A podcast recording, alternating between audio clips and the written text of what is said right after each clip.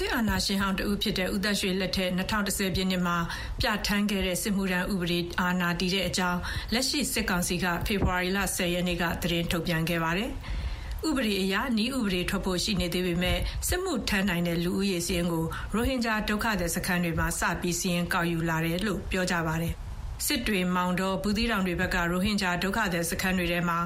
တည်ဆဲပြဌာန်းထားတဲ့ စစ်မှုထမ်းဥပဒေအရ အမျိုးသားတွေကို စာရင်းကောက်တာမှာ သတ်မှတ်အသက်ထက်ကျော်တဲ့သူတွေကိုလည်း စာရင်းကောက်ယူတယ်လို့ ရိုဟင်ဂျာအရေး ဆောင်ရွက်နေသူတဦးက ပြောပါတယ်။လက်ရှိကောက်ယူမှုတွေမှာတော့ အမျိုးသမီးတွေ မပါဝင်ဘူးလို့လည်း ပြောပါတယ်။“စာရင်းကောက်တာကတော့ လောလောဆယ် တပတ်လောက်ရှိပြီ။သူတို့ကိုလိုတယ် လူငယ်တွေကို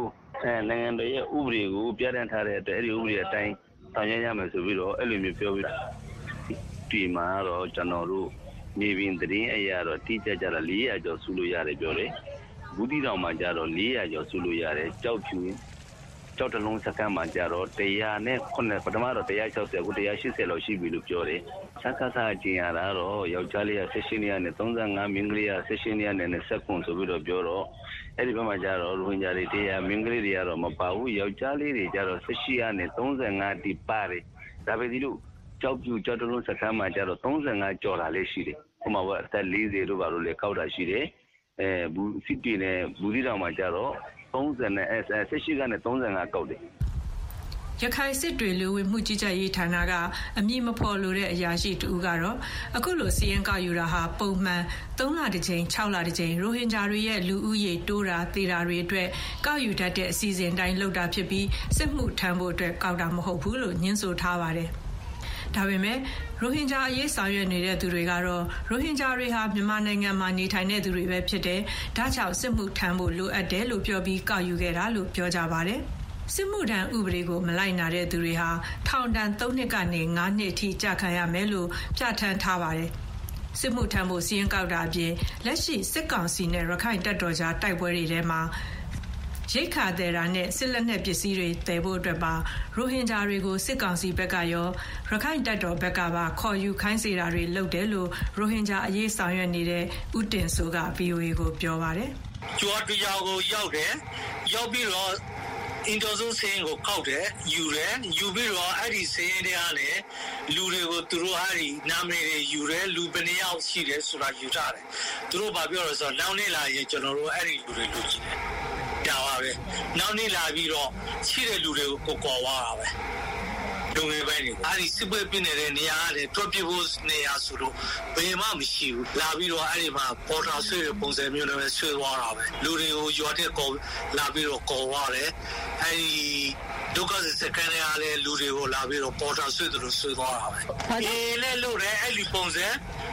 စစ်ကောင်စီကလည်းလုပ်တယ်အဲ့ဒီကောင်အဲ့ဒီအာနှစ်ပတ်ဆိုင်တွဲပြနေတဲ့အဲ့ဒီရှင်မှာရိုဟင်ဂျာတွေကကြားတဲ့မေစာပြင်းနေပြနေတယ်ဘင်းချင်းရန်ချက်ပြနေတဲ့ပုံစံမျိုးပါပဲပုံစံအဲ့တော့ငကုစုမကတော့ရိုဟင်ဂျာတွေအတွက်ပို့ပြီးတော့ဒုက္ခရောက်တယ်ဒီလအစောပိုင်းကစလို့ရိုဟင်ဂျာတွေကိုပြစ်မှတ်ထားပြီးစစ်ကောင်စီကစစ်မှုထမ်းဖို့အတင်းကျပ်ဖိအားပေးလာတာလို့ရိုဟင်ဂျာတွေကပြောကြပါတယ်။ဒါတွေနဲ့ပတ်သက်လို့သက်ဆိုင်ရာစစ်ကောင်စီပြောရေးဆိုခွင့်ရှိသူ ရခိုင်ပြည်နယ်ပြောရေးဆိုခွင့်ရှိသူရခိုင်တပ်တော်ပြောရေးဆိုခွင့်ရှိသူတွေကို VOA ကဆက်သွယ်ဖို့အကြိမ်ကြိမ်ကြိုးစားခဲ့ပေမဲ့ဖြေဆိုတာမရှိခဲ့ပါဘူး။စစ်ကောင်စီဘက်ကရခိုင်ပြည်နယ်မှာနေတဲ့အစ္စလမ်ဘာသာဝင်တွေကိုရိုဟင်ဂျာလို့ပြောဆိုတာသုံးနှုန်းတာကိုလက်ခံမထားသလိုပြောဆိုတာရှိရင်အရေးယူမယ်လို့ထုတ်ပြန်ထားပေမဲ့ရခိုင်ပြည်နယ်မှာနေတဲ့အစ္စလမ်ဘာသာဝင်တွေကတော့သူတို့ဟာရိုဟင်ဂျာတွေဖြစ်တယ်လို့ဆိုကြပါတယ်။ လက်ရှိမှာရိုဟင်ဂျာတွေရဲ့စခန်းတွေမှာစည်ရင်ကောက်တာအပြင်တိုက်ပွဲတွေအတွင်းရိတ်ခါသေးတာစစ်လက်နက်ပစ္စည်းတွေတည်ဖို့အတွက်ပါရိုဟင်ဂျာတွေကိုစစ်ကောင်စီဘက်ကရောရခိုင်တပ်တော်ကပါခေါ်ယူစေခိုင်းတာတွေလုပ်တယ်ဆိုတာနဲ့ပတ်သက်လို့ VOA ဘက်ကတိကျအတည်ပြုနိုင်ဖို့ကြိုးစားနေပါတယ်